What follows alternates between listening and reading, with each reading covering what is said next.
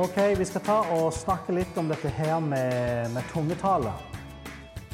Eh, det er kanskje ikke noe som en hører veldig mye undervisning om i dag. Iallfall ikke i, i, i, mange menigheter. I mange menigheter så er nærmest dette her med tungetale det er noe som man helst ikke skal snakke om.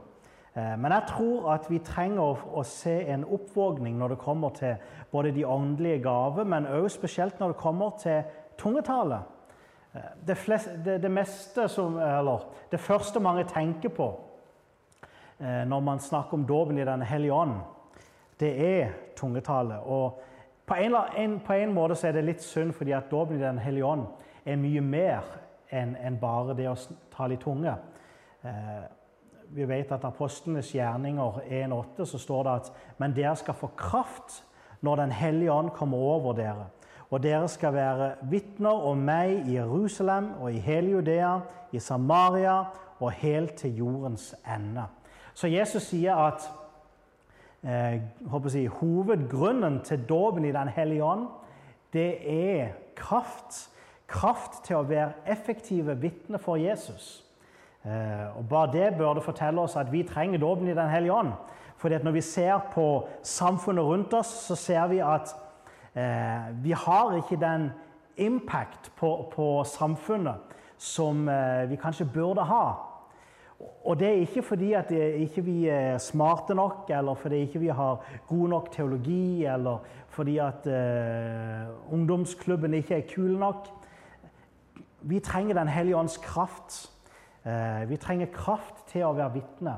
Og det er nettopp noe av dette som Eh, det er grunnen til, den, til dåpen i Den hellige ånd. Det er at vi skal få kraft. Når det er sagt, så tror jeg at det med å tale i tunge faktisk er en veldig viktig bit når det kommer til dåpen i Den hellige ånd. Selv om jeg, tungetale i seg sjøl ikke er hensikten, så tror jeg tungetale er jeg, et redskap som Gud har gitt oss eh, i dåpen i Den hellige ånd Eh, som, som, hjelper oss, som, som, gir oss åndelig styrke. Og Det skal vi se litt grann, eh, mer på senere. Hvordan faktisk dåpen, eh, det å tale i tunge, er faktisk en av de nøklene Gud har gitt oss helt konkret for å styrke vårt åndelige liv. Og, og, det er noe som vi absolutt trenger å styrke. Eh, så selv om hensikten med, med dåpen i Den hellige ånd ikke nødvendigvis kun er å tale tunge, så er tungetale allikevel tror jeg, en veldig, veldig viktig bit. Faktisk så sier Paulus rett ut i 1. Korinterbrev 14,5 så sier han at 'jeg skulle ønske dere alle talte i tunge'. Så var, det å tale i tunge er med andre ord noe Paulus skulle ønske alle gjorde. Når han jeg, skrev til korintermenigheten, så sa han at dette er noe som jeg ønsker at alle av dere skal gjøre. Og Han sier også at han taler mer i tunge enn de alle, så han kan prøve å egge dem til å bruke denne gaven enda mer. Han sier også i 1. Korinterbrev 14,39 at de ikke skal hindre noen i å tale i tunge. Og Det er jo litt interessant at Paulus sier det, fordi at vi vet når vi leser jeg, Korinterbrev, så vet vi at han skriver til en menighet som på, på, mange måter hadde tatt fullstendig av når det kom til dette her med de åndelige gaver, og også når det kom til dette her med tungetale. Men allikevel så prøver ikke Paulus å si hei, dere må stoppe med dette her, stopp med dette her tøys, nå må dere ta dere sammen.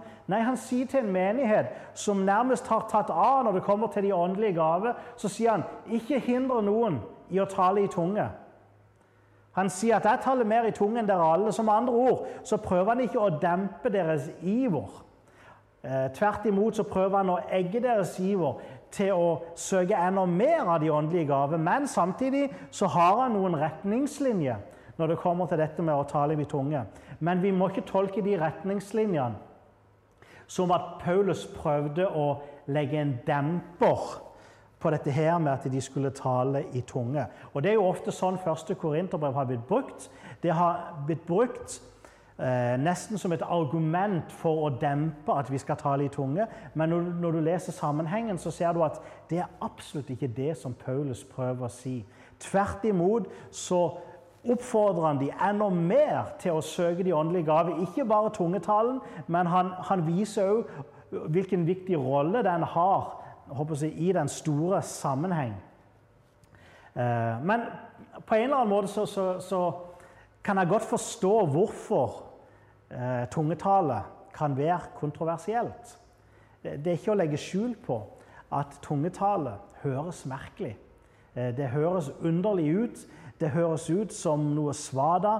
Eh, det, for det intellektuelle mennesket så virker tungetale som dårskap. Så jeg kan, jeg kan, godt forstå at veldig mange har problemer med, med, denne her gaven til å tale i tunge. Fordi at For det intellektuelle mennesket så høres det ut som galskap. Men er ikke det òg litt typisk Gud? Å ta noe som håper jeg, fra det intellektuelle mennesket virker som dårskap. Og er det ikke typisk Gud å ta, å ta sin kraft, sin velsignelse, og legge det i noe som det intellektuelle mennesket vil si er dårskap? Faktisk så sier Paulus akkurat dette. Han sier i 1. Korinterbrev 1,27 så sier Paulus Men Gud har utvalgt det dåraktige i verden for å gjøre det vise til skamme. Og Gud har utvalgt det svake i verden for å gjøre det som er mektig, til skamme. Og Hvis vi leser litt videre, fortsetter nedover i kapittel 2, så sier han i 1. Korinterbrev 2, vers 13-14.: Disse ting taler vi også om, ikke med ord som menneskelig visdom lærer, men med ord som Den hellige ånd lærer, idet vi tolker åndelige ting med åndelige ord. Men et sjelig menneske tar ikke imot de ting som hører Guds ånd til, for de er dårskap for ham. Han kan heller ikke kjenne, kjenne dem, for de bedømmes eh, åndelig. Det er 2. Korinterbrev 13, eh, 1. Korinterbrev 2, vers 13 og 14. Så Paulus sier her at Gud med overlegg har på en måte skjult sin velsignelse, sin kraft, i, i ting som for det sjelige mennesket og det intellektuelle mennesket, det mennesket som vil forstå alt han, han, har skjult det i det som for oss virker som dårskap, for at vi ikke skal finne fram til Gud i vår egen styrke og i vår egen kraft. Jesus sa at vi må bli som barn for å komme inn i himmelens rike. Og det, det er noe med Gud at han igjen og igjen så gjør han ting som, som kanskje kan virke underlig håper jeg, for det menneskelig sett, men som allikevel bærer med seg stor åndelig velsignelse og styrke. Og Det samme tror jeg gjelder når det kommer til tungetale. Det er en merkelig gave, helt sikkert. Det høres underlig ut.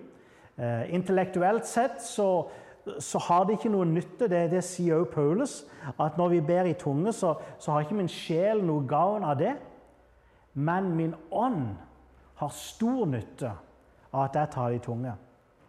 Eh, det, en annen interessant ting jeg leste nylig, eh, en undersøkelse som eh, sto skrevet i, om, i New York Times. Og Det som var interessant i denne jeg, undersøkelsen Jeg har lagt en link i notatene. Så hvis, hvis dere sjekker notatene, så ser dere at det er en link der til en artikkel i The New York Times. Og Det som er interessant, det er at i det studiet så faktisk det, det studiet bekrefter mye av det som Bibelen sier om tungetale. Og Det er jo håper jeg, interessant hvordan igjen og igjen så ser man hvordan vitenskapen eh, jeg, hvordan vitenskapen kommer fram til det som Bibelen har sagt i, jeg, i alle år. Men det som var litt interessant i denne her, det var en undersøkelse som var gjort eh, blant eh, ca. 1000 evangeliske kristne i England. Og Det jeg beit meg merke i denne undersøkelsen, det var at de fant ut at de som praktiserte tungetale, de var mer emosjonelle, stabile, emotional uh, stable, uh, enn de som ikke praktiserte tungetale. Og Det synes jeg var litt festlig, for ofte så får man jo høre det, jeg, det, bildet som ofte blir eh, tegna av de som taler i tunge, er at de er emosjonelt ustabile. De, de er litt skør i toppen. De er litt gale. Men faktisk, eh, vitenskapelig sett, så fant de ut at de var mer emosjonelt stabile, de som jevnlig praktiserte dette her med tungetale. Og Det bekrefter jo bare akkurat det som Bibelen sier. Og det ser man jo igjen og igjen. Hvordan vitenskapen Det, det er ikke sånn at vitenskapen motbeviser Bibelen, men man ser igjen og igjen hvordan faktisk vitenskapen bare bekrefter at det som Bibelen har sagt hele tida, det er faktisk sånn det er. Og det kommer òg når det gjelder tungetale. Så hva er tungetale? Det ordet som blir brukt på, på grunnteksten, er ordet glossolalia. Jeg vet ikke om jeg uttaler det riktig, jeg er ikke noen eh, gresekspert. Men ut ifra bibelordboken så kan jeg se, eller dictionary så kan jeg se at det, jeg, på grunnteksten så er ord som blir brukt, det er glossolalia. Og det kommer fra gresk glosso, som betyr tunge, og lalia, som betyr å snakke. Så jeg, ut fra det ordet betyr, så, så, jeg, så betyr det rett og slett å snakke i tunge. Ehm, og, og, det er jo det som vi ser håper jeg, skjer på pinsefestens dag, når, eh, når Den hellige ånd kommer. Eh, det at de begynner å snakke i tunge, eller snakke i andre språk. Så vi ser på I Apostelens gjerninger kapittel 2 så ser man at når de begynte å tale i tunge, så står det at de, de eh, jeg, folk som var fra andre nasjoner, de kunne forstå hva som ble sagt fordi at disiplene de snakka i andre språk, eller de snakka i andre tungemål, i andre tunge. Men det som er viktig for meg her, det er at det var ikke, det var ikke en naturlig evne. Det var ikke sånn at de plutselig fikk en, eh, si, en bedre evne til å lære nye språk. Det var ikke det disiplene gjorde når de satt og ba på øversalen. De, de satt ikke og pugga andre språk. Men det var en overnaturlig gave. De talte ikke ut ifra ting de hadde lært, men de talte ut ifra hva Ånden ga dem. Derfor ser vi i Apostelens gjerninger 2,4, eh, så står det Og de ble alle fylt med Den hellige ånd og begynte å tale i andre tunger, alt etter som Ånden ga dem å tale. Så jeg, det, det, som, det som skjedde, det var ikke en en uh, ny evne til å lære nye språk. Men, men, det var Den hellige ånd som inspirerte de til å tale. Eh, Ut ifra det som blir sagt så, eh, og står skrevet, så, så indikerer det ikke at apostlene forsto hva de sa. Men det var de som hørte på, som forsto hva apostlene sa. Så, så det var, jeg håper å si, jordi, de talte jordiske språk. Men litt av forvirringa, og det er det vi skal se litt på i dag, det er Litt av forvirringa når det kommer til dette her med tungetale, er at mange går glipp av at Bibelen taler om forskjellige slags tunge. Og Hvis ikke du ser at Bibelen taler om forskjellige slags tunge, så kan du fort bli forvirra når det kommer til hva Bibelen faktisk lærer når det kommer til tungetale. Eh, hvis, hvis du ikke forstår at Paulus taler om forskjellige typer tunge, så kan du nesten tro at Paulus er fullstendig forvirra og motsier seg sjøl fra det ene vers til det andre. Så Bibelen taler om forskjellige slags tunge. Eh, den tungetalen som vi leste om i, eh, i Apostlenes gjerninger 2, det var jordiske språk. De, de talte språk som eksisterte, som, som, andre folk fra andre nasjoner kunne forstå. Eh, Samtidig så vet vi at 1. Eh, Korinterbrev 14,2 så står det om tungetallet som ingen forstår uten Gud. Det er 1. Korinterbrev 14,2. Så står det at håper jeg, den som taler i tunge, eh, ingen forstår han. Om jeg taler sånn, i tunge, sånn som de gjorde i Apostlenes gjerninger 2, om jeg taler kinesisk i tunge, så vil en kineser kunne forstå meg. Om jeg taler russisk, så vil en russer forstå meg. Om jeg taler polsk, så vil en polakk forstå meg. Men det er tydelig at Paulus i 1. Korinterbrev 14,2 taler om en annen type tungetale. For her sier han at ingen forstår han uten Gud. Vi vet òg at i 1. Korinterbrev 13, vers 1, så taler Paulus om eh, menneskets tunge og om engles tunge. Som andre ord så er det forskjellige former for tungetale.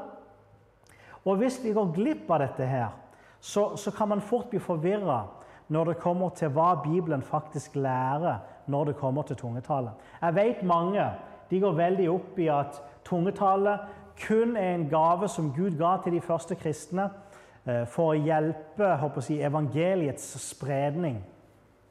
Og det er klart, I Apostlenes gjerninger 2 så, så, så, var det folk som stimla sammen. Eh, men det var ikke tungetalen som overbeviste dem. Det var ikke det som gjorde at det stakk i hjertet. Det var Peters forkynnelse som gjorde at det stakk i hjertet. Og Det står heller ikke at de forkynte evangeliet når de talte i tunge. Det står at de lovpriste Gud når de talte i tunge. Man finner faktisk ikke noen eksempler eh, i, i hele apostlenes gjerninger hvor tungetale blir brukt som et redskap når det kommer til å forkynne evangeliet. Eh, på pinsefestens dag så kan man strengt tatt ikke si at tungetalen var et redskap for å forkynne evangeliet. For det, det, det, er ikke det det står de gjorde når de talte i tunge. Og vi, når vi leser hele Apostelens gjerninger 2, så ser man at det var faktisk ikke tungetalen som gjorde at det stakk de i hjertet, men det var Peters forkynnelse som gjorde at det stakk de i hjertet. Noen vil kanskje bruke Apostelens gjerninger kapittel 10 som eksempel når eh, Peter går til Kornelius' hus, hvor evangeliet for første gang går til hedningene. Men heller ikke der så kan man si at tungetalen ble brukt som et redskap jeg, for å få folk frelst. Fordi at Tvert imot så ser man at i Apostlenes gjerninger 10 så var ikke tungetalen et tegn for de vantro, men heller så var tungetalen et tegn for de som allerede var frelst, for å få de til å forstå at hedningene nå hadde blitt frelst. Så i Apostlenes gjerninger 10 så var ikke tungetale et tegn for de vantro, men for de troende. Og Paulus taler jo om det. Han taler jo om at det fins en tungetale som ikke er for de troende, men som er for de vantro. Men i Apostlenes gjerninger 10 så ser man at der var det motsatt som var tilfellet. Der var tungetalen et tegn for de som allerede var troende. Og det er viktig at vi skiller mellom disse to, eh, eller forstår at det er forskjellige former for tungetale. Fordi at Hvis ikke vi ser at det finnes forskjellige former for tunge, så vil vi tro at Paulus er forvirra, han taler imot seg sjøl. Og hvis du tar på løsrevne vers, så kan du få Paulus til å si at ikke de skal tale i tunge. Og du kan også få Paulus til å si at de skal tale i tunge. Hvis ikke du, hvis ikke du ser at det Paulus taler om, selv i 1. Korinterne 14 så taler han om to forskjellige former for tungetale. Begge deler er for i dag, og begge deler er gave som Gud har gitt til menigheten. Men eh, de er forskjellige. Det er forskjellige former for tungetale.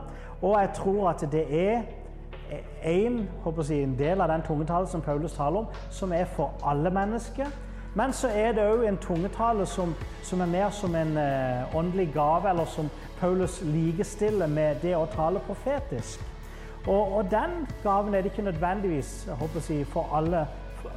Den gaven kan du ikke operere i når du vil. Men når det kommer til din personlige tungetale, den kan du operere i når du vil, og når du kjenner et behov for å styrke ditt åndelige liv, så kan du operere i den eh, og kjenne at du blir styrka åndelig sett. Eh, jeg tror vi skal ta en pause nå før vi går videre. Eh, så bare for å dele det opp så ikke det blir for langt. Så vi tar en kort pause, og så fortsetter vi igjen om noen få minutter. Amen.